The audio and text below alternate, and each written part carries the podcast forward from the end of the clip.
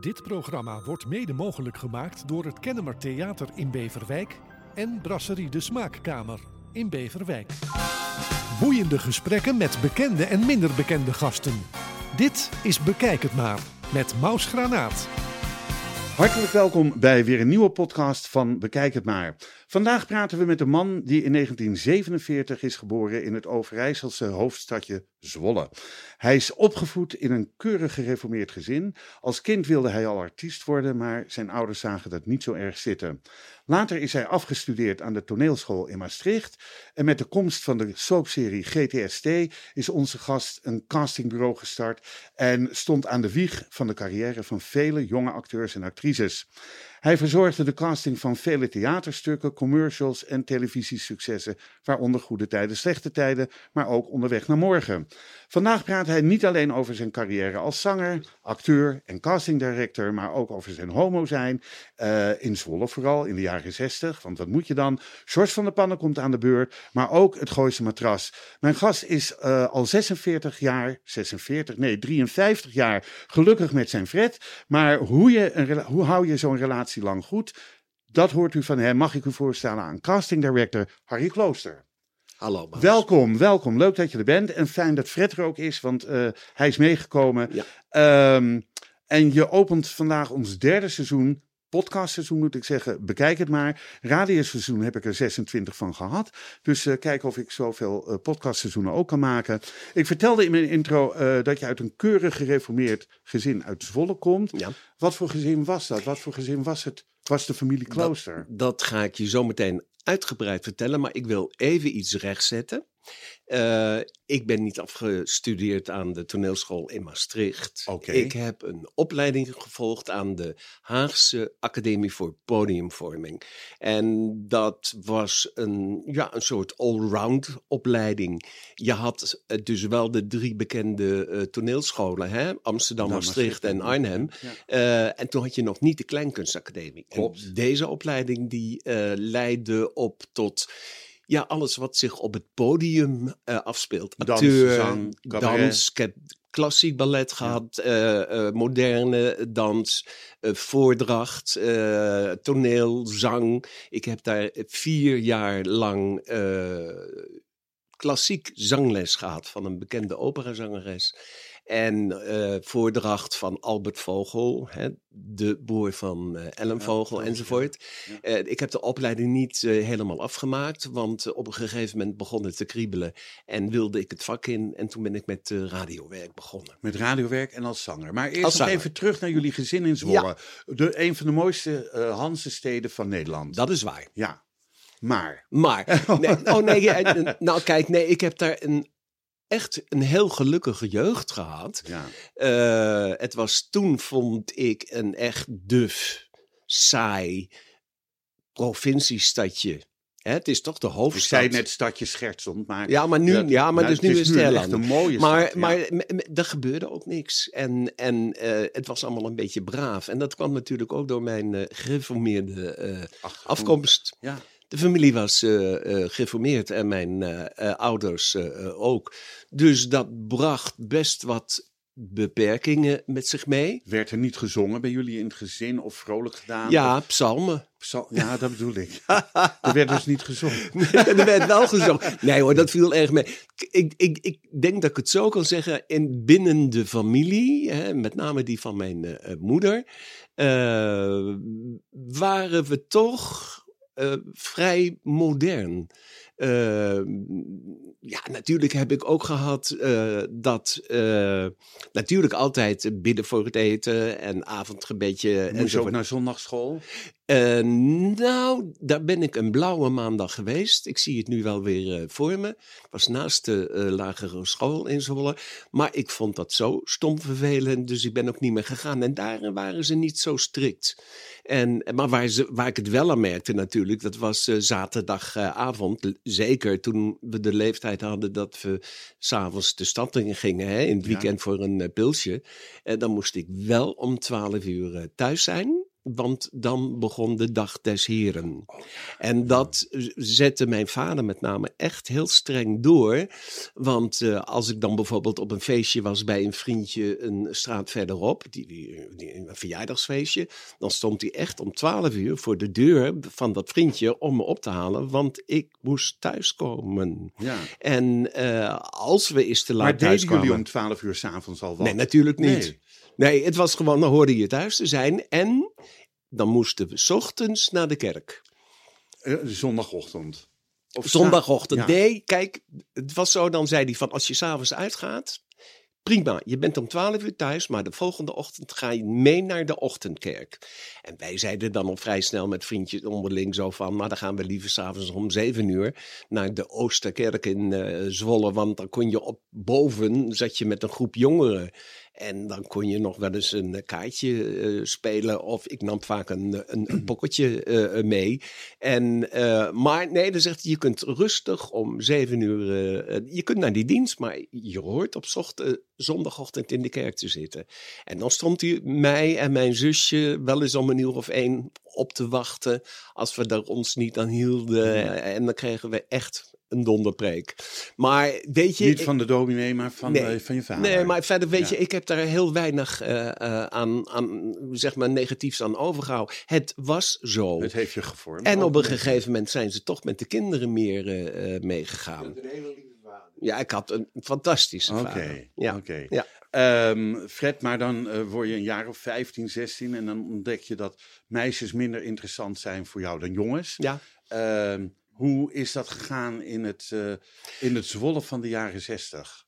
Nou, ik- toevallig dacht ik daar gisteravond aan. Zo van, eh, als Maus daarover begint, eh, prima. Het punt is, seksuele voorlichting heb ik nooit gehad. Nee. En dat was in die tijd, was dat heel normaal. Dus ik durf ook te zeggen, ik geloof dat ik op mijn tiende op op mijn elfde, twaalfde zelfs nog. eh, ja, ik wist dat ze niet, eh, de kinderen niet via de ooievaar kwamen. Maar hoe dat nou wel precies zat met in de buik enzovoort, daar werd nooit over gesproken. Het ging zelfs zo ver. we hadden al heel vroeg televisie.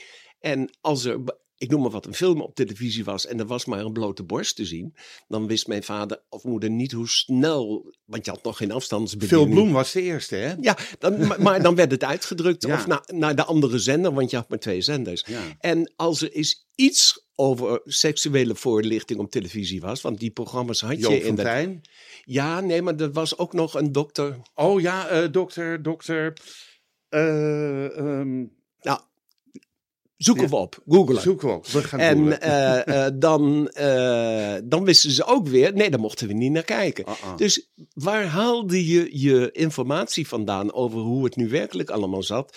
Jongen, meisje, babytjes en, enzovoort enzovoort. Dat heb ik eigenlijk van de straat, van vriendjes eh, eh, eh, gehoord. Mijn, ik heb met, met mijn ouders nooit één woord over seksuele voorlichting. Nee. En dat, dat kon men in die jaren niet. En was dat alleen bij ons? Nee hoor, Nee. dat gebeurde in zoveel eh, eh, gezinnen. En of dat nou inherent was aan het gereformeerd zijn, weet ik ook niet. Want ik heb ook wel van vriendjes gehoord die nergens aan deden. Dan was het precies hetzelfde. Ja. Maar ik, ben er, eh, ik heb er geen trauma aan overgehouden. Nee, maar hoe ging het met het uitkomen van je homoseksualiteit? Nou, ik kwam, is- ik kwam al vrij snel erachter, ik denk dat een jaar of 12, 13, dat ik jongens veel leuker vond. En om je maar een voorbeeld te noemen, je had in die tijd, dan eh, spaarde je filmsterrenfoto's. Ja. Ja? En dan ging je naar de HEMA en daar had je foto's van Elvis Presley. Was ik niet zo in geïnteresseerd.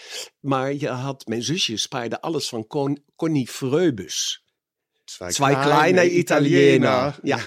En eh, ik daarentegen spaarde alles van Rex Gildo.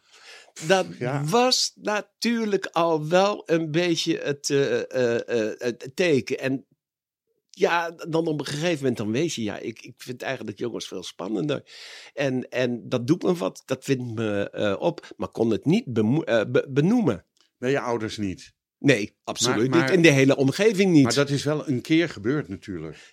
Nee, Oh, nooit gebeurd. Nee, ik, op, nee, nee, nee. Maar je, ik ging ook toen ik 18, 19 was, ook met mijn uh, schoolvriendje Benny, gingen we ieder weekend uh, uit. Maar Benny heeft het nooit van me geweten. En achteraf zegt hij van ja, ik had wel het gevoel.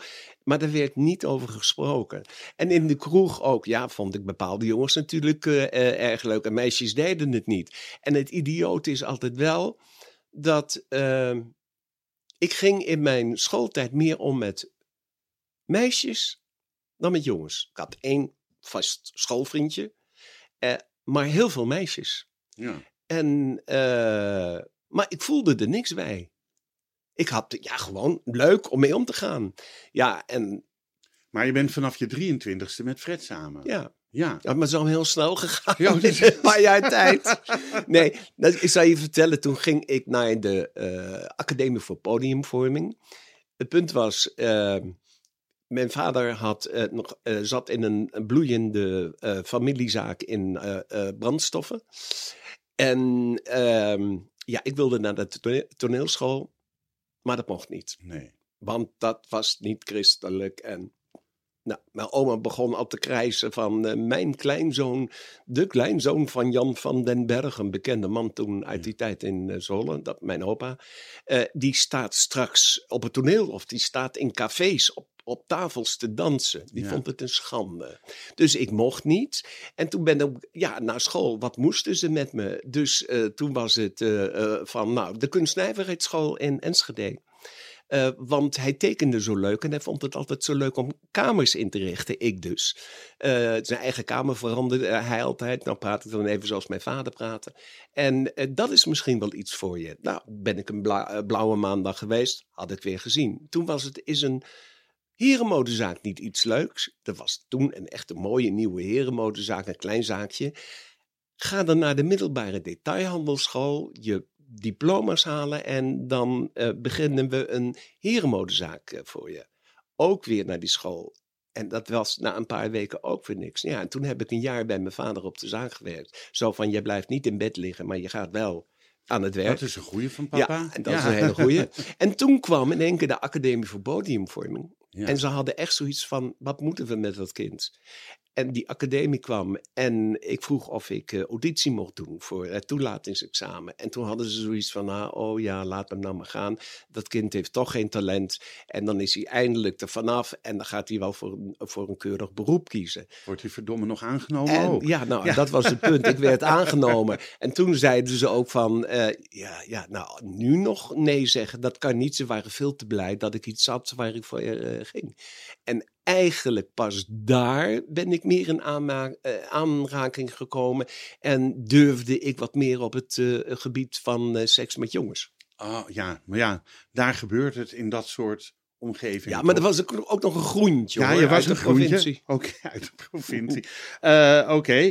Ehm, eh, ik, ja, hoe ik nou aan de toneelschool in Maastricht kom, eh, weet, ik ook niet. Ehm, maar dan, ik dacht alleen, eh, je ging dan, waar was die podiumvorming in Den In Haag? Den Haag. En toen dacht ik alleen maar, waarom niet Amsterdam, waar het gebeurt allemaal? Nou, ja, kijk, moet je heel eerlijk zeggen van ik heb eh, stiekem, zonder dat mijn ouders het wisten, heb ik wel toelatingsexamen gedaan in eh, Amsterdam. Maar daar werd ik niet aangenomen. Ah, Gebrek aan talent. Ja, En, eh, maar dat gebeurt zoveel eh, jongens en meisjes. ja. Die laten dan wel in het vak terecht. Je hebt je daardoor niet uit het veld laten Nee, natuurlijk nee, Dat nee. doe ik ook niet snel hoor. Eh, je hebt ook gezongen. Weinig, Ja. weinig mensen weten dat maar. Waarom ben je nooit echt doorgebroken als, als, een, als een nou ja, een Nederlandse zanger? De- Ja, nou kijk, weet je, ik heb heel veel radiowerk gedaan. Ook met de grote orkesten, met het Metropoolorkest, met het Vara Dansorkest.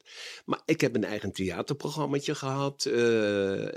Eén keer met een, een, een, een vriendin en daarna later een eigen programma. Eh, maar ehm, het is ergens misgegaan toen ik een televisieopname deed en een liedje zong van eh, Enrico Macias, L'Ami Fidèle. En dat stond op mijn repertoire en eh, dat werd opgenomen, Ampex. Had je van toen die nog. grote banden, ja. ja, ja. En eh, halverwege raakte ik de tekst kwijt. Dus paniek, Want je kunt niet zoals nu met video even stopzetten en opnieuw beginnen. Nee, een, een Ampex-stop in die tijd was heel duur. Dus meteen, oh, paniek, eh, nee, laten lopen, we beginnen opnieuw. Idem dito, op hetzelfde punt raakte ik weer mijn tekst kwijt. En toen zeiden ze van, nou, zet de Ampex maar stop. We gaan even rustig praten en, enzovoort. En toen heb ik dat er uiteindelijk heel goed opgekregen.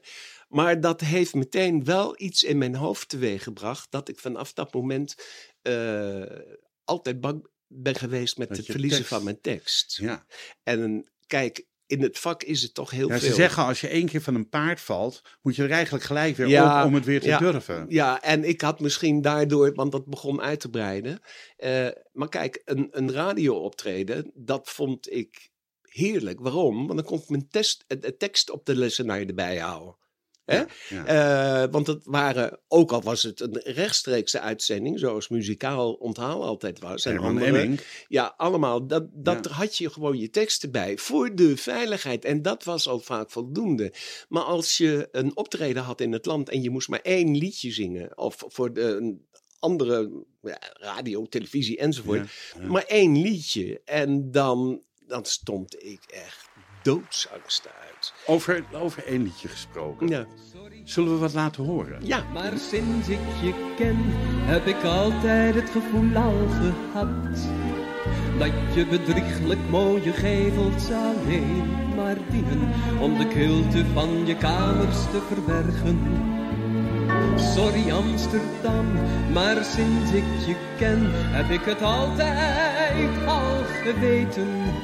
Dat de bomen langs je grachten er alleen maar staan, om de stank van het dode water te verdrijven.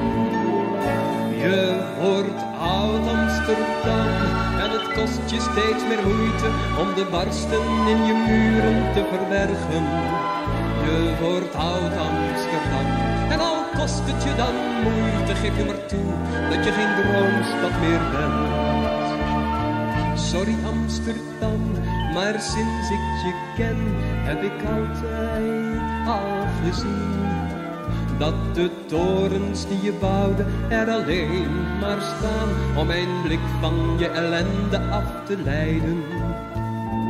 Sorry Amsterdam, maar oud valt je mooie masker aan. Alleen de nevels boven de Amstel weerspiegelen nog af en toe een glimlach. Vol van weemoed. Je wordt oud Amsterdam en het kost je steeds meer moeite om de barsten in je muren te verbergen. Je wordt oud Amsterdam en al kost het je dan moeite, geef nu maar toe dat je geen droomstad meer bent. Je wordt oud Amsterdam. Wat een heerlijk nummer eigenlijk. Ja, Ja. ja dat was ook een van mijn eh, ja, favoriete nummers, zeg maar, eh, in die eh, radiotijd. Ja. Sorry Amsterdam, van wie is dat eigenlijk? Sorry Amsterdam, dat is, ik had een eh, eigen eh programmaatje en nou, weet, een, een ge- geopend gedicht. Hele mooie tekst.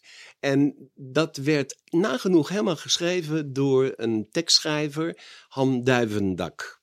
Eh, komt uit eh, Groningen. Eh, of die nog teksten schrijft, dat weet ik niet. En door mijn pianist, eh, Eugène.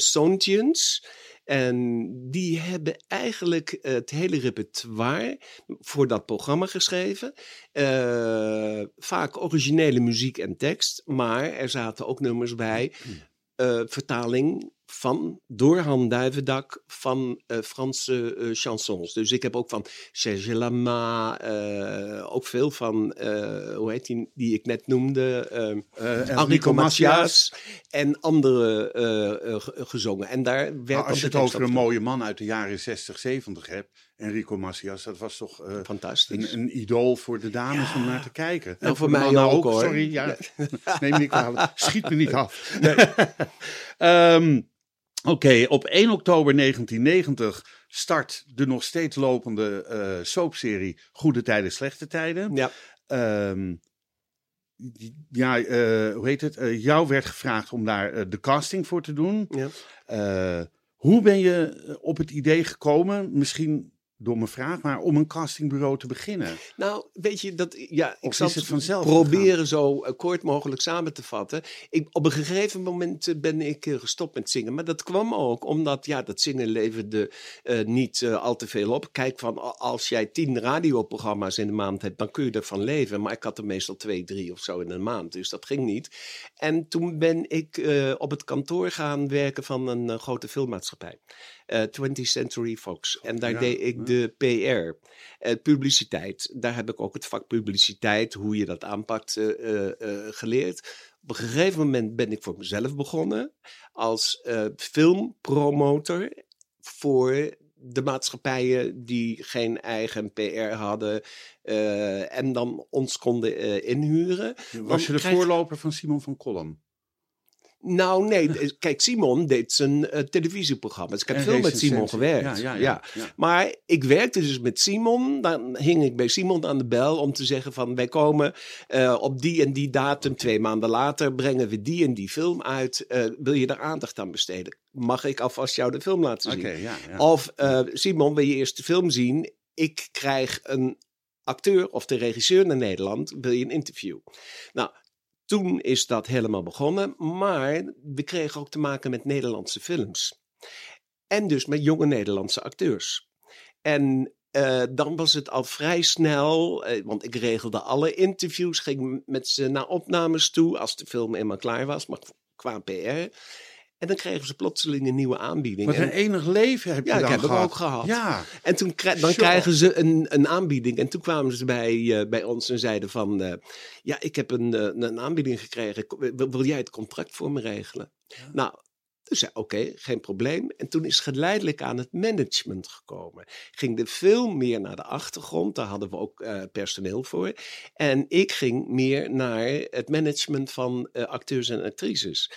En dan is op een gegeven moment de stap ook groot naar, of niet zo groot, Nee. naar casting. ja. Want dan, als je dan bijvoorbeeld, we deden ook de zaken voor bijvoorbeeld Ellen Vogel. Nou ja, nou hoeven die v- meestal niet echt de, de, boer op om Nee. te vinden. Nee. Maar een andere eh, acteur, een, bijvoorbeeld een... Die is een- helaas overleden. Ja, helaas overleden. Een even geweldige actrice. Ja, maar dan Z- zonder ernst. Ja, zonder ernst was het natuurlijk een, een, een eh, enorm succes. Maar ik wil nog heel even terug naar die film. Wat is eh, toen, toen, je, toen je dat allemaal nog deed voor, Mm. voor het casten? Ja. Wat is de mooiste herinnering die je... Je hebt vast wel één ding meegemaakt waarvan je zegt... Nou Maus, dat was zo speciaal. Nou, dat zijn er wel meerdere hoor, Maus. Eh, om een paar te noemen, de, het bezoek van tal van grote buitenlandse filmsterren naar Nederland Ja. ter promotie van de speelfilms. En ik heb hier eh, John Hurt, eh nou, Bette Midler, eh, Sean Connery, Roger Moore, eh, enzovoort, enzovoort gehad. Het was eigenlijk een hele leuke periode. Want die had je dan hier dan een dag of drie, vier. En dan begeleidde ik ze helemaal met het geven van interviews. Ik haalde ze van Schiphol, ik regelde de etentjes en ik bracht ze daarna weer weg, de premières. Dat was heel erg leuk. En dan heb ik het over Maar door, premières. maar mag een hele stomme Ja. vraag misschien. Door wie werd je dan betaald? Wie, wie, wie belde jou van Harry, wil je... eh, de Roger filmmaatschappij. Moore, de filmmaatschappij. Ja, ik had dan bijvoorbeeld, eh, wij hebben heel veel eh, James Bond films Ja. gedaan. Dan werd mijn bureau aangetrokken om de PR te doen voor die Bond film. Ah, ah. En dan sprak je een bedrag af. En daarvoor moesten wij dus alles doen. Moest ik ervoor zorgen dat jij Een hotel het gevoel, had, nee, ja, maar dat jij bijvoorbeeld het gevoel had, eh, oh god, wat leuk die film. Ik heb dat interview op televisie gezien, Ja, ik ja. lees dit, Oh, zo. enzovoort, Ja, enzovoort. En bij die promotie, bij grote films, hoorde ook dat vaak regisseurs en eh, acteurs naar Nederland kwamen. En dat was ons pakje aan. Ik werd ingehuurd voor de hele promotie van een film. En dan kreeg ik door, er komt ook iemand naar Nederland. Of ik, ik ben ook met eh, persmensen naar Parijs geweest, naar Londen geweest, noem maar op allemaal. Ik begeleide dat hele programma. Dus ik bereidde ook het hele bezoek voor van als John Connery hier naartoe kwam. Dus jij deed de promotie voor Europa of dan Nederland. als zo'n alleen voor Nederland? Alleen voor Nederland. Ja. Ja. Ehm, ja, ik wou zeggen, wat een rotbaan, maar ik, ik zou hem heel graag overnemen. Nou, nee, het was heel erg leuk. Ja. En, en wat er ook bij eh, hoorde, dat is Maar je ook... leert mensen zo leuk kennen van een andere kant. Of misschien niet leuk kennen van een andere kant. Dat zal ook kunnen. op- ook ja, zitten. Bette Midler, dat blijft me nog altijd eh, eh, Vertel, bij. ik, vind het ik vind haar geweldig. Nee, weet, je, weet je wat vaak gedacht wordt? Nou, Eh, van die hele grote sterren dat ze zo lastig zijn. ja. Nou, gebeurt dat wel eens, maar een Bette Midler had ook die naam. En dan kreeg je van tevoren al eh, door vanuit Amerika: Harry, zorg ervoor dat er geen gladiolen in de bloemen zitten, want ze slaat je ermee om de oren. Dat vindt ze ver- verschrikkelijk. En toen kwam eh Bette Midler en hebben we alles doorgenomen. En toen voor de interviews, dus mag ik je wat vragen? Hoe komt het nou zo dat je een hekel hebt aan gladiolen? Ze zo, kom je erbij? Ik zei nou zo en zo. Dan begon ze vreselijk te lachen. Ze zei, nou, dat slaat nergens op. Dan stuurde ze haar persoonlijke manager. Als de interviews begonnen, stu- stuurde ze haar persoonlijke manager stuurde ze naar buiten, de suite uit. En dan, dan wilde ze alleen met mij en de interviewer zijn. Ja. En dan ging ze zo zitten.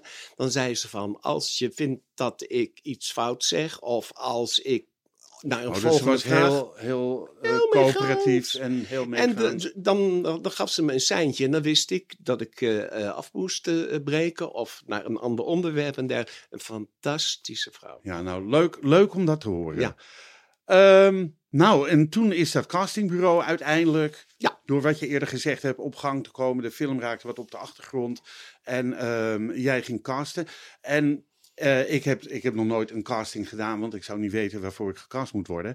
Maar ehm, hoe gaat zo'n casting in zijn werk? Mensen reageren op eh, een rol die ze willen hebben en dan moet... Nee, kijk, in, in, in principe als je de, de casting voor een toneelproductie of een eh, dramaproductie of Ja. een speelfilm doet, dan word je ook weer aangetrokken door de filmproducent. Mhm.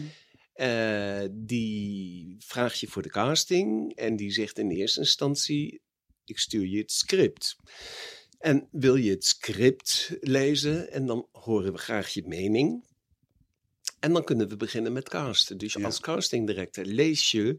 eh, ja, casting director wil het al zeggen, casting regisseur. Ja.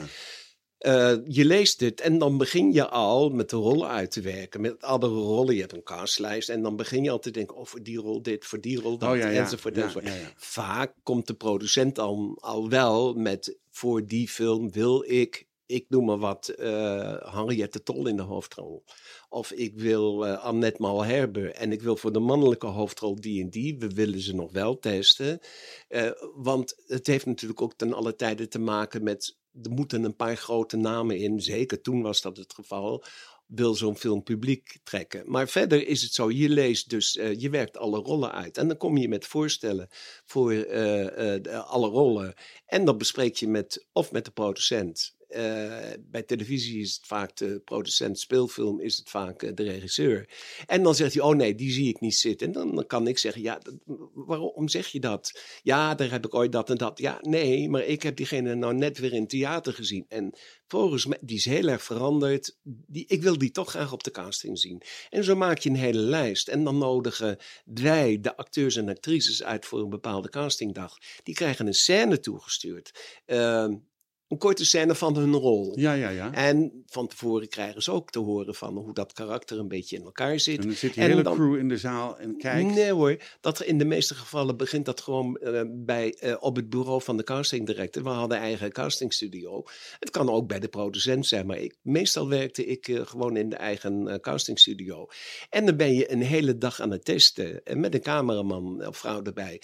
En dan moet hij die eh, scène spelen, hij of zij. En dan geef je aanwijzingen, regieaanwijzingen. Let erop, wil je het zo proberen? Of ik vind het net toch een beetje te, te algemeen. Weet je je geeft dus regieaanwijzingen. En dan ga je kijken of wat jij wil, of wat de regisseur wil, dat het eruit komt. Ja, en mooi. dan maak je een casting tape van één dag, twee dagen, drie dagen. En als het allemaal klaar is, dan ga je daarmee naar eh, de eh, producent.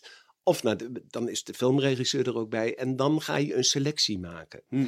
En dan is het met die selectie, en dan wil het vaak gebeuren, wilde moet ik nu zeggen, eh, dat, je, eh, dat dan het in de studio was of bij de producent. Of de eh, producent en regisseur kwamen naar ons bureau toe.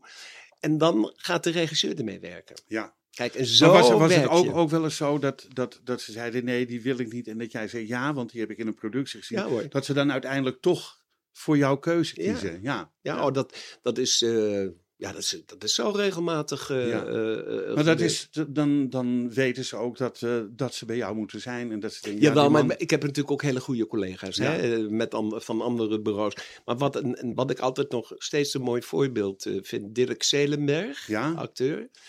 Die was nog een jong jongetje en daar Die hadden... deed met, ehm, eh, hallo, hoe heet ze ook weer? Eh Mary Dresselhuis. Harold de Mot. Ja, Harold de Mot, dat Ja. was hem. Ja, ja, Ja. ja. ja, Nou, dan moet je nagaan, dat was toen een heel jong jongetje. Had nog Ja. weinig eh, eh, Ervaring. gedaan. Een paar kleine rolletjes bij ons. En toen kregen wij een, een nieuwe productie. En nou ben ik even de, wat die productie, of een, een serie zou het worden. eh, Flying Kicks heette die, geloof ik, van Giem van Houweningen. Met de regisseur Ton Lutz. Ja. En er zat een rol in van een jonge jongen. En dat was een beetje een heel katachtig wezen. Dat zat ook iets in zijn genen en alles. Dus die sprong overal. Echt bijna een, kat, een, een katmens, een aapmens. En dat moest dus een jonge acteur zijn. eh, die heel lenig was in zijn motoriek en alles. En natuurlijk, Ton Lutz, Lutz wilde eh, natuurlijk het liefste acteurs met een toneelschoolopleiding. Mhm. Dat was toen in die tijd Ja. heel belangrijk. Maar ja, zo jong en dan al met de toneelschoolopleiding. En iedere keer kwam ik met de naam van Dirk Zelenberg en zei hij, nee Harry, zie ik niet zitten. We hebben, ik weet niet hoeveel jonge acteurs getest en we kwamen er niet uit. En iedere keer zei ik, weer een nieuwe afspraak, nou. probeer het nou. Ja, ja. Op een gegeven moment had ik zoiets, ik ga nou niet meer met die naam komen. En toen zaten we weer eens in een bespreking. En toen eh, zei, zat hij naar de foto. We hadden een foto van met de acteurs. Toen zei hij, oké, jij je zin, laat hem maar komen.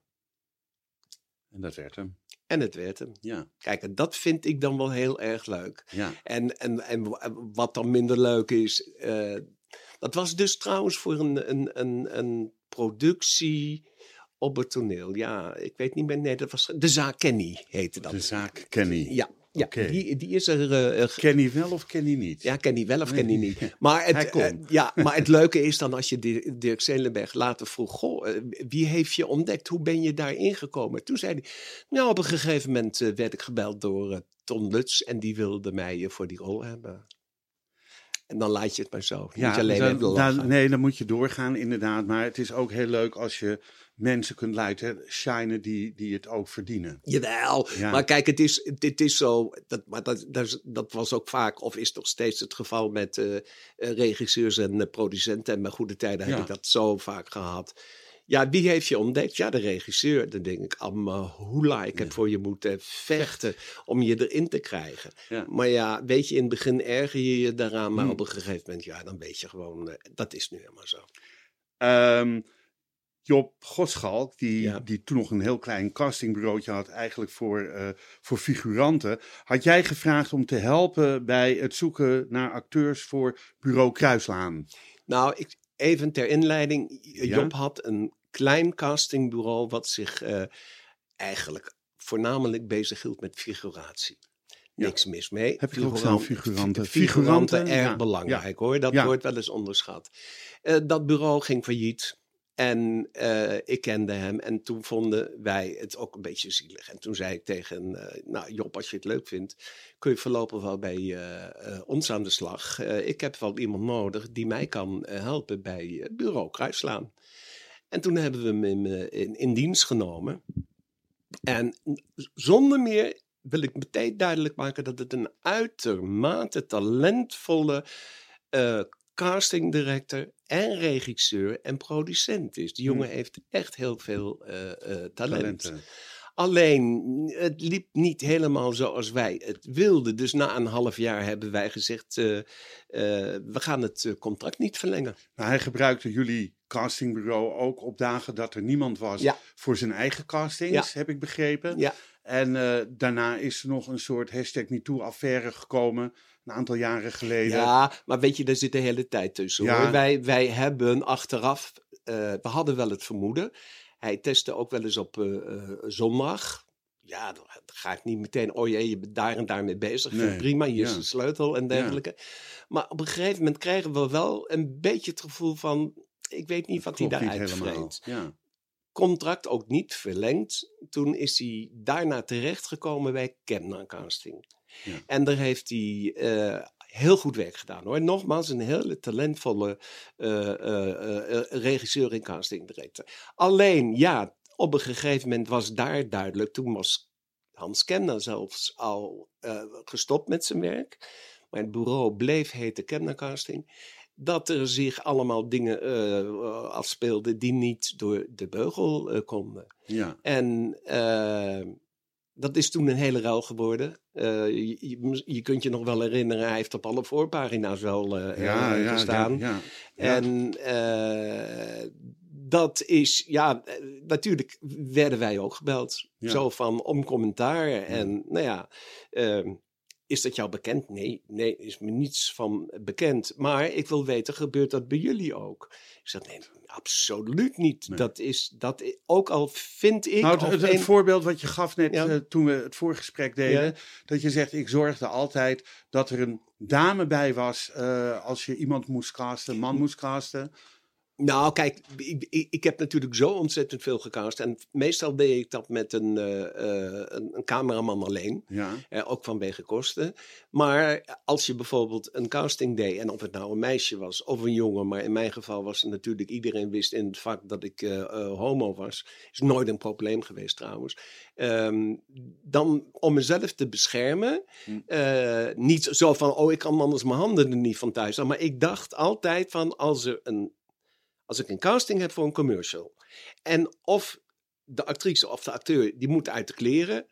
Nou moet ik zeggen dat uit de kleren valt heel erg mee. Dan is het vaak wat een jongen betreft. bovenlijf. eh, ja, of desnoods in een zwemshort als het om een, voor een bepaalde Dries commercial is. Nou, die hebben we niet gehad. Oké. Geen gele, die, die commercial hebben we niet gecast. Oké. Maar dan, wil, dan zei ik al van, Ja. aan een van de assistenten, kom jij er maar bij. Zodat er nooit later gezegd kan worden dat ik iets geprobeerd heb. Ja, nou, ik denk dat het een hele, hele goede gedachte is Ja. geweest. Ehm, uiteindelijk ehm, eh, eh, heb je, hoe heet het, eh, je bedrijf verkocht aan AFT, zeg ik dat goed? AFT? Ja, geloof Ja, ik wel. AFT. Ja, nee, maar nog even teruggrijpen Ja. op dat van Job. Ehm, ik vind wel dat het allemaal heel erg ver is gegaan. Ja, Ik vind, eh, eh, hij heeft dingen gedaan die niet door de beugel eh, kunnen. Ik wil heel graag benadrukken het volgende. Ehm, er zijn ook acteurs en actrices die zich werkelijk opdringen ja, aan de casting director ja. of de regisseur. ja. En duidelijk aangeven, ik wil met jou, wel met, met jou naar bed. En met in hun achterhoofd als ik die rol maar Ja. krijg. Dus het is ook heel moeilijk voor, ook voor een Die regisseur. neuken zich omhoog, om het zomaar eh, nou, plat te zeggen. Ja, eh, inderdaad. Maar het is Ja. heel moeilijk dan als je als regisseur en casting director. Ze bieden zich aan. Ja. En eh, ja, sta je niet stevig in je schoenen of je gaat er juist graag op in. Dan stel je je heel kwets, kwetsbaar op. Maar als je dat een beetje gewe- gewend bent, dat acteurs en actrices wat makkelijker zijn met de broek uittrekken. Dan word je op een gegeven moment overmoedig. En daar ga je dan ook mee in de fout. Want dan krijg je. Ja, en dan zijn ze gelijkwaardig. Ja, maar ja. als jij, een jong acteur, Ja, eh, eh, zegt eh, van allereerst, ja, je moet toch wel eh, in, je, je- jezelf eh, uitkleden, want ik wil dit en dat. En dan ook nog bij hem thuis vaak. ja, Dan ga je de, de mist in. Nou, als je dan ook zegt van, ja. ik wil je aanraken en ik wil dit. En je verwacht bepaalde seksuele handelingen. Dan, eh, dan ga je zo de fout in, want je zet een jong acteur eh, voor het blok. Ja. En een jong acteur die denkt vaak van, ik weet het van de jonge acteurs waarmee ik gesproken heb. Ja, ik moet ja zeggen, want anders kom ik nooit meer aan de bak. En als ik Ja. dit niet doe, en, enzovoort, enzovoort. Kijk, en dat is, maar nogmaals, er zijn er ook die zichzelf aanbieden. Ja. Mooi om dat ook eventjes Ja. gezegd te hebben. En dat geloof ik ook. Ehm, maar in ieder geval, toen eh, eh, AFT jullie had overgenomen, zeg maar. ehm, ik wou zeggen, ben je opnieuw begonnen met Hebbes? Dat zat even anders. Ja. Kun je dat uitleggen? Hebbes is Ja. ook een castingbureau, hè? Maar dan even terug naar, ik heb, eh, nou, ik geloof dat ik 59 was, heb ik een zwaar hartinfarct gehad. Ja. En dat was aanleiding voor ons om te zeggen, we gaan het bureau verkopen. En, eh, want anders hebben we het zo Maar was het zoveel spanning? Eh, Ja, dat, dat- dat- dat- je- zeven dagen werken in de week, Ja. echt waar. ja. En s s'nachts altijd met een kladblok naast je van, oh, een naam. Oh, dan schiet je een naam te binnen. Ja. Nee, die, en dan weer een acteur ziek en die moest dan de volgende dag. Nee, dat kon, het was echt heel veel spanning. Ik heb het altijd met veel liefde gedaan. Maar eh, toen hebben we de beslissing genomen, we gaan het bureau verkopen. We hadden gehoopt dat aan twee medewerkers... we, maar Harry en jij hadden dat samen. Eh, Harry, Fred. sorry, Fred en jij Ja. hadden het samen. Ja, Ja, en het ja. bureau is van ons samen geweest. We hebben het altijd samen gedaan. Maar eh, toen wilden we, de bedoeling was dat we het over zouden doen aan twee medewerksters van ons. Die hebben we ook in de gelegenheid gesteld om alvast de directie te vormen. Wij nog op de achtergrond.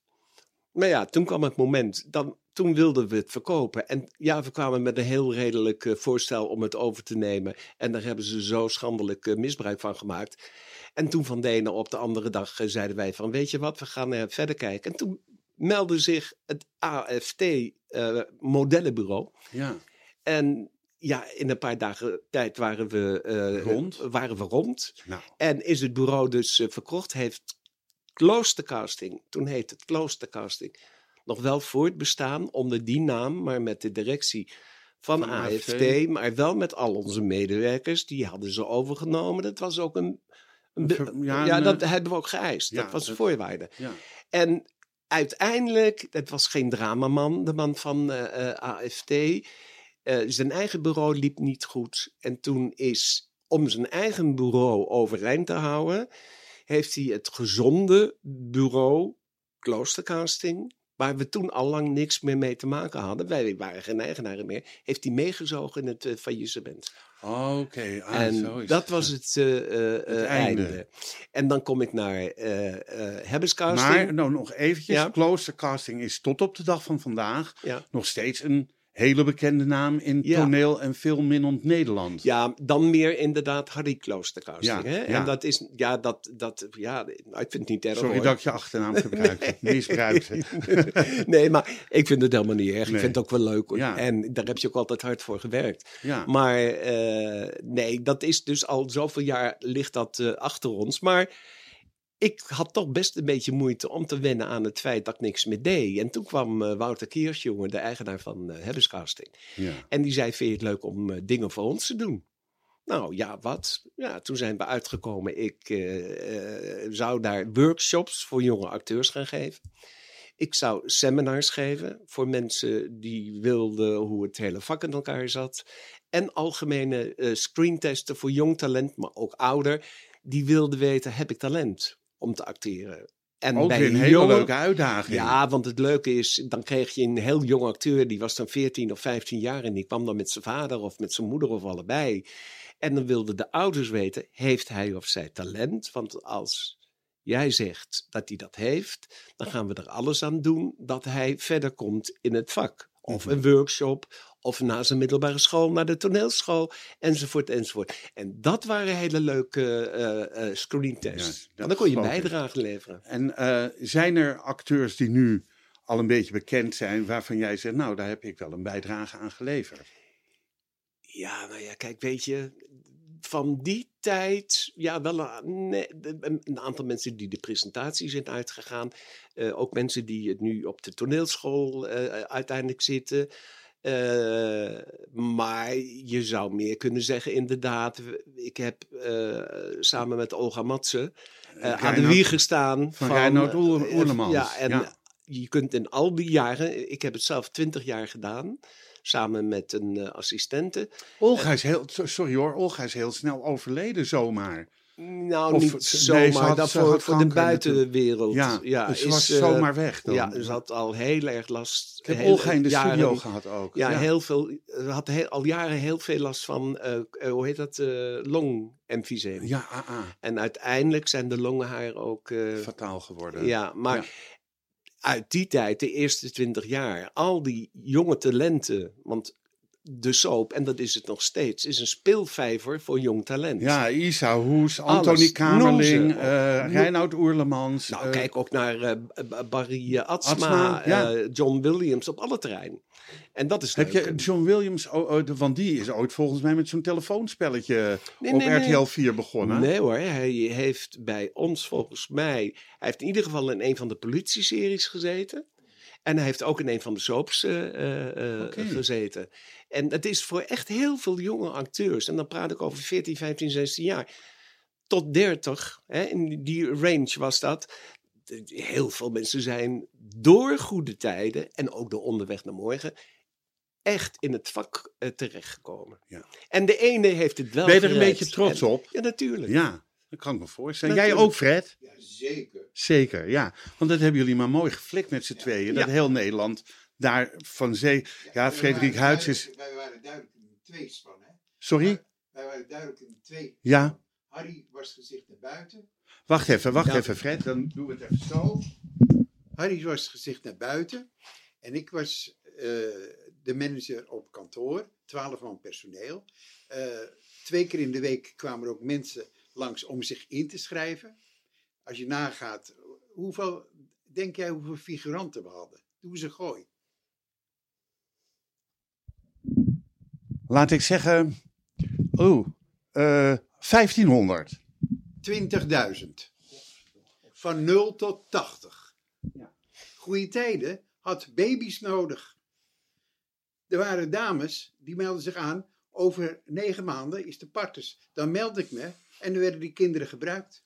En dat mocht maar één of twee keer. En dan moest hij een andere baby worden. Wij hadden ook met figuratie.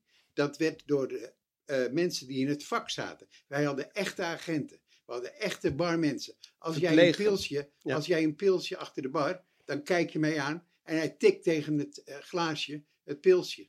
Dat kan een gewone figurant, kan dat Je moet een pilsje kunnen Hetzelfde tappen. in de ziekenhuisseries. Echte verpleegsters. Om maar een voorbeeld te noemen. Fijn om met zo iemand samen te werken, hè? Ja, Want dan heb je... nou, Nou, ja, ook, ook om mee samen te eh, wonen. wonen en Ja. leven hoor. Ja, dat geloof Ja, ik bedoel, anders zou je het geen 53... Nee, Hoe hou je dat goed, 53 jaar? Nou, ik- Omdat nou kijk, weet je, nou ik- toch. ja, eh, allereerst, We zijn eh, geen bezit van elkaar. ja, We zijn twee individuen. Ja. het, je, je kunt zeggen van, je moet elkaar de vrijheid geven. Ja. En je moet eh, eh, elkaar, ja, ja, de vrijheid geven, niet elkaars bezit willen zijn. En wat ik ook heel erg belangrijk vind, dat als er eens een keertje wat gebeurt, of een van de twee, Pies naast de pot. Dat heb je heel goed gezegd, dan moet je niet meteen met je koffer klaarstaan. Nee. Kijk, dan ga je praten. En eh, ja, dan, en ja, vooral eh, van elkaar houden. En dan Ja. is het helemaal geen, geen, geen eh, hoe noem je dat nou? Is het geen issue meer? Nee, Nee. we hebben nooit problemen gehad. Nee. Heerlijk. Fijn om dat te horen. Ehm, even kijken. Inmiddels woon je samen met Fred, ja, al heel lang, maar in het Rosa Spierhuis. Dat klopt. En dan moet ik van Therese Stijmets, die ik ook heb mogen interviewen, eh, zeggen van nee, het is geen bejaardenhuis. Het is een huis voor artiesten en oud-artiesten. Eh, en je hoeft heus niet bejaard te zijn, want je mag er ook wonen als je 40 bent. Ja, nou, Ja. wat dat laatste betreft, dat klopt. Je Ja. mag er wonen, al ben je 35. Of wat. Ja. Er is geen leeftijdsgrens, zowel Nee. niet naar beneden als eh, naar boven. We moeten wel eerlijk zijn, het is, eh, ook al willen we dan zeker niet eh, hè, de naam hebben van een bejaardenhuis.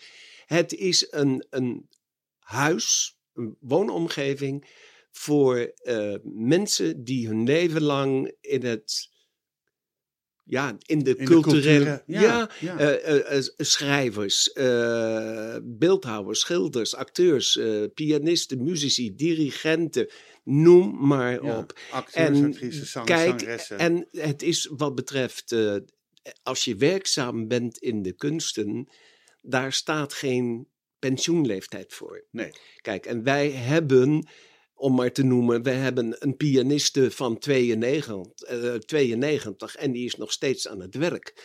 Eh Therese wordt 90, 90, 70 die werkt mei, nog. Ja, ja. Eh, maar we hebben ook. Er is geen pensioenleeftijd. nee. Dus in de kunsten ga je altijd.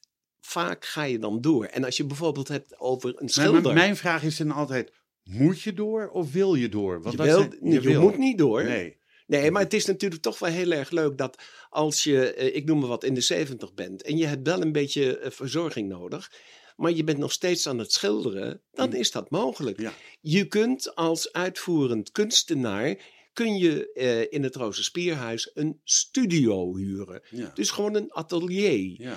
En heel veel van onze bewoners gaan gewoon iedere dag naar hun atelier en zijn dan nog aan het werk. Maar er is ook nog een ander verschil. Vroeger was het uh, Rozenspierhuis echt een zorginstelling voor oudere Voor artiesten. artiesten. hè, En dat is eigenlijk wat eruit En moet. dat is nu niet meer Nee. eh, eh, het geval. Sinds we op de nieuwe locatie zitten, hebben we jaar. behalve de zorgafdeling ongeveer zo'n 100 appartementen waar je, je moet wel uit het vak komen, waar je ze helemaal Ja. zelfstandig woont.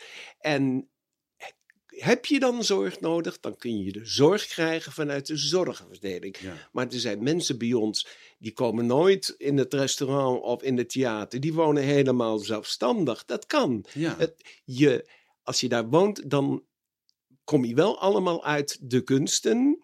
Maar je leidt je eigen leven. En heb je zorg nodig, dan kan dat vanuit het huis. En wil je in het restaurant eten, dan eet je in het Ja, restaurant. natuurlijk. Ja. En Dat wil je is- naar het theater kijken, dat is het Nou, leuke. daar, daar wou ik naartoe. Daar wou ik naartoe, Harry, Dat naar theater. Met Dat- jou. Dat, dacht ik al. Want het Rosa Spierhuis heeft een prachtige theaterzaal. Ja. Met prachtige techniek. Ja. En eh, alles wat daar op en aan hoort. Ja.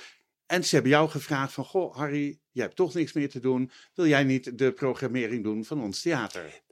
Nou, iets anders misschien. Iets anders. Eh, kijk, als je daar komt. Kijk, een, schilder die gaat nog eh, aan het werk in zijn atelier. Dus al snel heb ik me gemeld als ik iets kan doen in verband met het theater. eh eh, hang aan de bel. Ja. Dat is gebeurd. Nu moet je ook zo zien dat we de eerste twee jaar van het nieuwe uh, Rozenspierhuis. Toen hadden we de corona. Ja. En op alle terrein zat dat hele gebeuren dicht. Dus ja, ook ja, daar. En eigenlijk sinds vorig jaar, eh, nou begin vol, vorig jaar, Ja, eh, toen, in, toen de COVID weer, hè, dat de theaters open gingen. En dat mij. je de, Ja. de, de, hoe heet dat, de mondkapjes af kon doen. Zijn we pas begonnen met het, eh, een beetje het opzetten van het hele gebeuren. Op alle fronten hoor. En dus zeker ook het theater. Want we hebben zo'n mooi, goed geoutilleerd eh, eh, theater.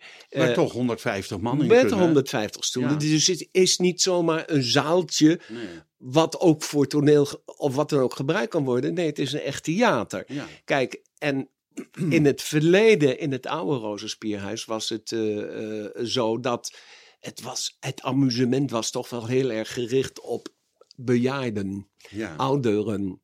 En ik heb ook meteen gezegd, ik vind het erg leuk om dingen daar te doen, om nog mijn kennis te gebruiken en mijn creativiteit. Maar ik wil van dat image af van bejaardenamusement. En ik wil toch de normale voorstellingen, die ook in andere theaters te zien zijn, die wil ik hier hebben. Alleen op die manier krijgen we mensen van buiten het theater hier naar ons theater. Want het wordt nu minder, maar toen wij eraan begonnen was het nog heel erg dat eh, de mensen uit Laren en omstreken die dachten, oh dat is alleen maar voor de bewoners. Dat snap ik, Harry. Maar Ja. als je daarmee begint, Ja. dan moet er ook een kaartverkoop komen. Ja. Mensen moeten online tegenwoordig kunnen Ja. reserveren. Ja. Ja. ja, d- ik bedoel, dat zijn wel dingen die allemaal opgestart Nou, moeten kijk, worden. dat, dat was er al wel. Maar eh, ja, dat was eigenlijk voor een groot gedeelte werd daar gebruik van gemaakt eh, eh, door de bewoners. En, maar dat kaartsysteem is hoor. Je gaat naar de website en je gaat naar culturele eh, activiteiten en je ziet het hele programma. En zijn en de je kaarten... kaarten- Sorry, zijn... Ja? ja? ga, ga door. Ik onderbreek Nee, gewoon. maar da- dan, dan kun je zo uitzoeken. Eerst je informatie. Oh, dat is op die datum. Oh, kaarten kosten zoveel. net zoals het bij ieder theater gaat, kun je daar je kaarten reserveren. Je kijkt naar de zaal. Oh, die twee zijn nog vrij. Je drukt op ja en je gaat betalen. En een minuut later heb je de kaarten in eh, huis. Ja, nou, staan. ja, Ja, ja. Ehm, is het nou wel zo dat als je bij het Rosa Spierhuis je kaarten bestelt, ben je dan iets voordeliger uit dan wanneer je dat bij een, een ander theater in een plaats Nou, doet? kijk, kijk, weet je, we hebben helemaal geen eh, subsidie. Hè? Dus het moet allemaal kostendekkend eh, eh, zijn. Eh, de kaarten eh, bij- bij ons, als ik dat vergelijk met andere theaters, eh, de echte theaters, nou ja, we zijn ook een echt theater, maar Ja, je begrijpt wat ja, ik bedoel, Ja. eh, die liggen beduidend hoger. Bij ons is eh, de prijs eh 22,50 euro, inclusief een drankje na afloop. Dat is mooi. Eigenlijk hetzelfde als bij Apollo First in Amsterdam. Ja, Ja. oké. En dan hebben we toch nog een volle zaal nodig om de uitkoopsom, de gage van, Van de de, artiest. artiest, de acteurs en dergelijke eh, te betalen. We proberen wel wat met eh, de prijs naar beneden te gaan. Eh, daar zijn we ook druk over bezig. En ik ben met het voorst. Er is een stichting Vrienden van het Rosa Spierhuis. Ja. Dat werkt niet goed. Daar wordt nauwelijks meer van eh, gebruik gemaakt. Eh, je kunt ook bij heel veel voorstellingen al aankruisen. Als je lid bent van het Roze Spierhuis, krijg je 5 euro korting. Dat werkt niet. Hè? Niemand weet hoe word je lid. Nu werken we aan een nieuw eh, eh, plan. Dat er komt een stichting Vrienden van het Rosa Spier Theater. Als je daar lid van bent, ik noem maar een bedrag 50 euro per jaar, dan krijg je voor iedere voorstelling krijg je 5 euro korting.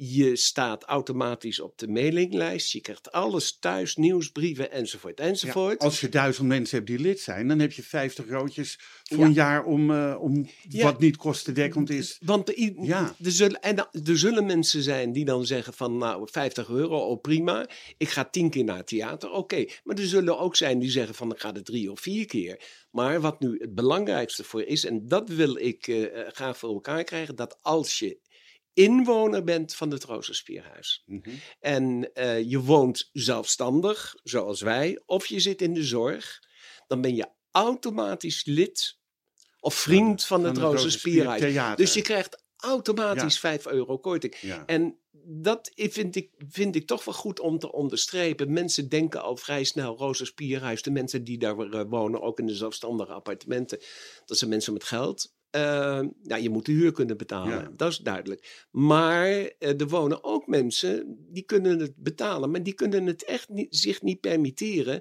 om maar twee of drie keer per maand, of zo, in sommige gevallen één keer per maand naar het theater te gaan. Dat klopt. En ik vind dat dus een, een stap in de richting. Als we dat voor elkaar kunnen krijgen, dan hebben ze in ieder geval 5 euro korting. En ik vind het ook heel reëel als je in Nou, het, voor eh, in het 17,5 uh, euro roze of speelt. 18 euro heb je een leuke avond. Nou, dan heb je Toch? 15 euro en eh 2,50 eh erbij voor een drankje. drankje. Dus 17,50. Ja, 17,50.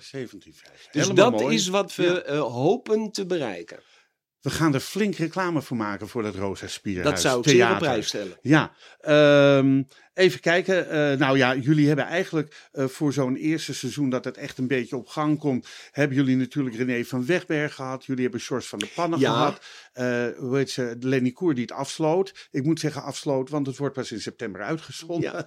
Dus, ehm, eh, en wat er het nieuwe seizoen komt. Nou, Daar kijk, ben ik ook benieuwd naar. Kijk, een van onze eigen projecten. Eh, je hebt het dan net over George en René. Een van onze eigen projecten, die eh, Fred en ik eh, samen doen, dan is het Rosa Spier Tour de Chant. ja. Dat is dus echt puur zang, een uur. En dat is eigenlijk een beetje gebaseerd op wat je vroeger in Amstelveen had, het cultureel centrum, het Cherry Cabaret van Wim Marie. Toen was het met een, eh, gratis eh, glas sherry. Nu is het met een gratis eh, glas wijn of Ja. wat, je, wat je wil. En dat hebben wij, dat is ons hele eigen project. En daar hebben we het afgelopen. Daar zijn we mee van start gegaan met George van der Pannen. Daarna Re- René van Wegberg. Toen liedjes die niet mochten. Oh ja, van en dan hebben we. Stichting Nederlied. En in april eh, Lenny Koer. En het is heerlijk om te zien dat die vier voorstellingen bomvol zitten. Leuk. En daar gaan we volgend seizoen mee door.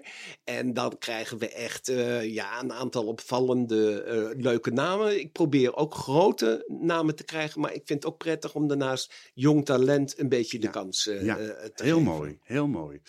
Eh, want ja, eh, in, in, in zo'n programma als dit, zo'n podcast, is het leuk om grote namen te hebben. Maar ik vind het ook leuk om mensen die aan de weg timmeren en het eigenlijk al heel leuk doen. Want George van der Pannen, voordat hij bekend werd, ik denk al tien jaar geleden, eh, had ik hem al twee of drie keer in een radio-uitzending gehad.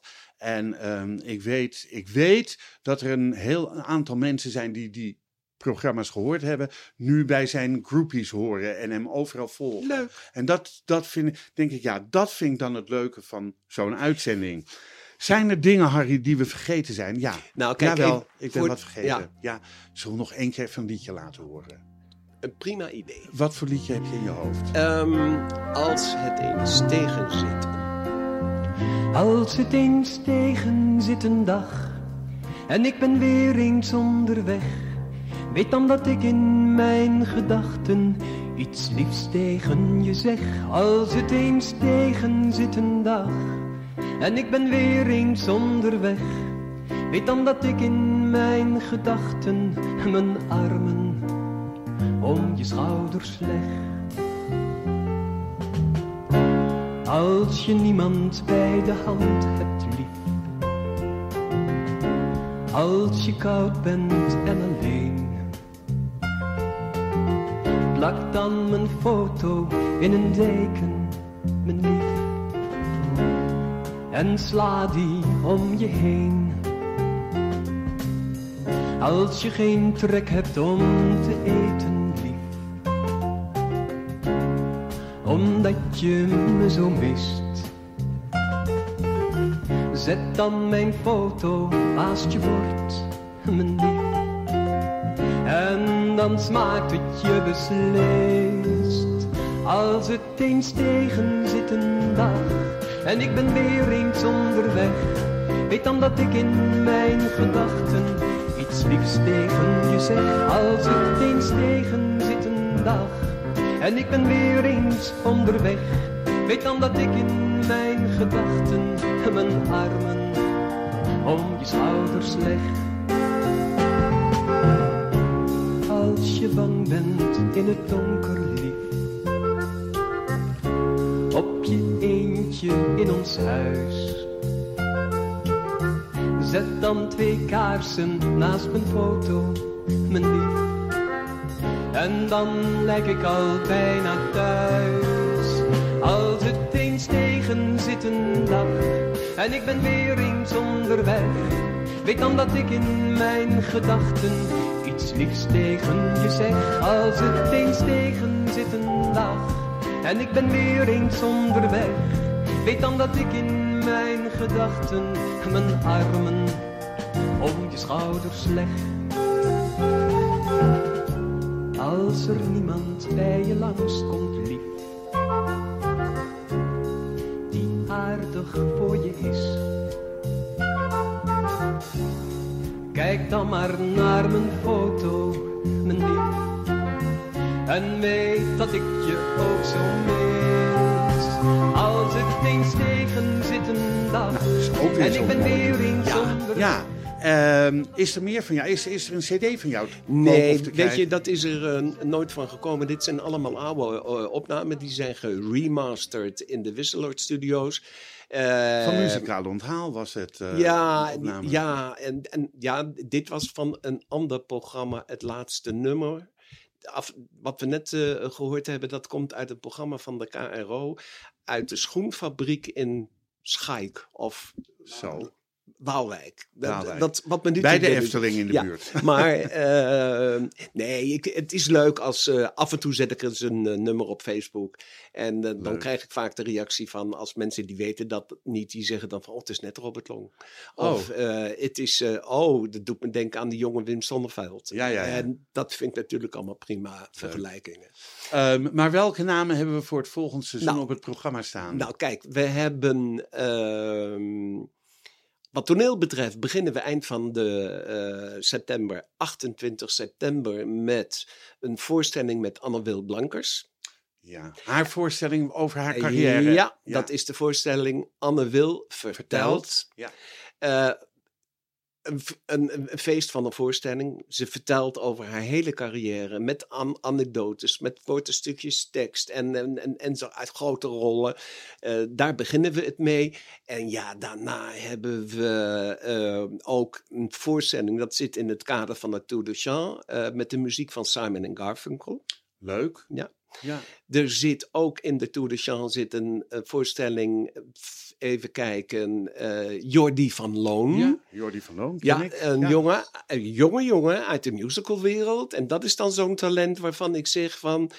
eh, hij wil ook graag solo. Ja. Die komt bij ons Ja. dan ook eh, zingen. Wij hebben Frederik Sluiterman van Loon met eh, een paar collega's. eh, Erik Herfst toevallig? Eh, nee, ja, die is dood. Dat is een beetje Nee, moeilijk. Sorry, nee, ik bedoel Erik, Erik Breij, neem me niet kwalijk. Nee, nee, ik- nee, ja, ik begrijp je heel Ja. goed. Dat, maar in dit geval komt ze met een, eh, een, een pianist, zanger die ook. De naam ben ik even kwijt. Otten krijg-? Nee, nee, Oh. maar ik ben de naam even kwijt. Maar ja, dat komt ik ook een dagje ouder. Dat Eh, dat is de, een, een, een zanger van Montezuma's Revenge. Oké. En met een hele leuke jonge eh cabaretière. En die doen het programma. eh, dat gaat over Liest en. eh, nee, niet Liest. Over Dietrich en Piaf. Piaf. Oh, met, eh, met Irene Kuiper misschien. Nee, Oh, want dit daar keer heeft ze het mee gedaan. weet ik, Irene Ja. Kuiper. Hebben wij ook veel mee Ja, gewerkt. ja. Nee, dit is een, een, ze brengen het terug in een nieuwe bezetting. Oké. En verder, oh, Anne, eh, we hebben ook nog Wil van der Meer met het Annie M. G. Schmid Oh, leuk. Eh, We hebben Helmut Woudenberg met een programma dat is zo'n beetje rond de, de- zeg maar het bevrijdingsfeest volgend jaar. Ach ja, en we, hebben zoveel leuke eh, namen. En het leuke is ook heel veel. Maar wat is de website om het programma gewoon in de Heel- gaten te houden? ja, het nieuwe programma zal er. Nou, dat staat er tegen die tijd op. Ja. Dat is www.rosaspierhuis.nl. En dan even kijken op de pagina van culturele activiteiten. Oké, www.rosaspierhuis.nl. Kijk op het, onder het kopje eh, culturele activiteiten. Zijn we wat vergeten, Harry? Britta Maria komt ook nog. Britta Maria met eh, Fonds. eh, Ja. ja, ze komt met een programma met het repertoire van Charles Aznavour. Navour. Leuk. Ja. Ook allemaal leuke dingen. ja, ik had ze van tevoren even op moeten schrijven. Geef niet. Maar- Kijk gewoon op www.rosaspierhuis.nl. Afdeling culturele activiteiten. Ehm, ik wil je bedanken voor je komst. Ik heb Ik het heb- met zeer veel liefde gedaan. Ja, en eh, het, het is, de tijd was zomaar om. We zitten vet over het uur. Maar dat is voor deze podcast helemaal niet erg. Harry Klooster en Fred, dank jullie wel voor jullie komst. En wat mij betreft heel graag tot een andere keer. Heel graag. Eh, deze podcast is uitgegeven door Roots Podcast Productions. En alles is na te lezen op www.bekijkhetmaar.com. Dank voor het luisteren en wat mij betreft graag tot de volgende podcast. Dit programma werd mede mogelijk gemaakt door het Kennemer Theater in Beverwijk en Brasserie de Smaakkamer in Beverwijk.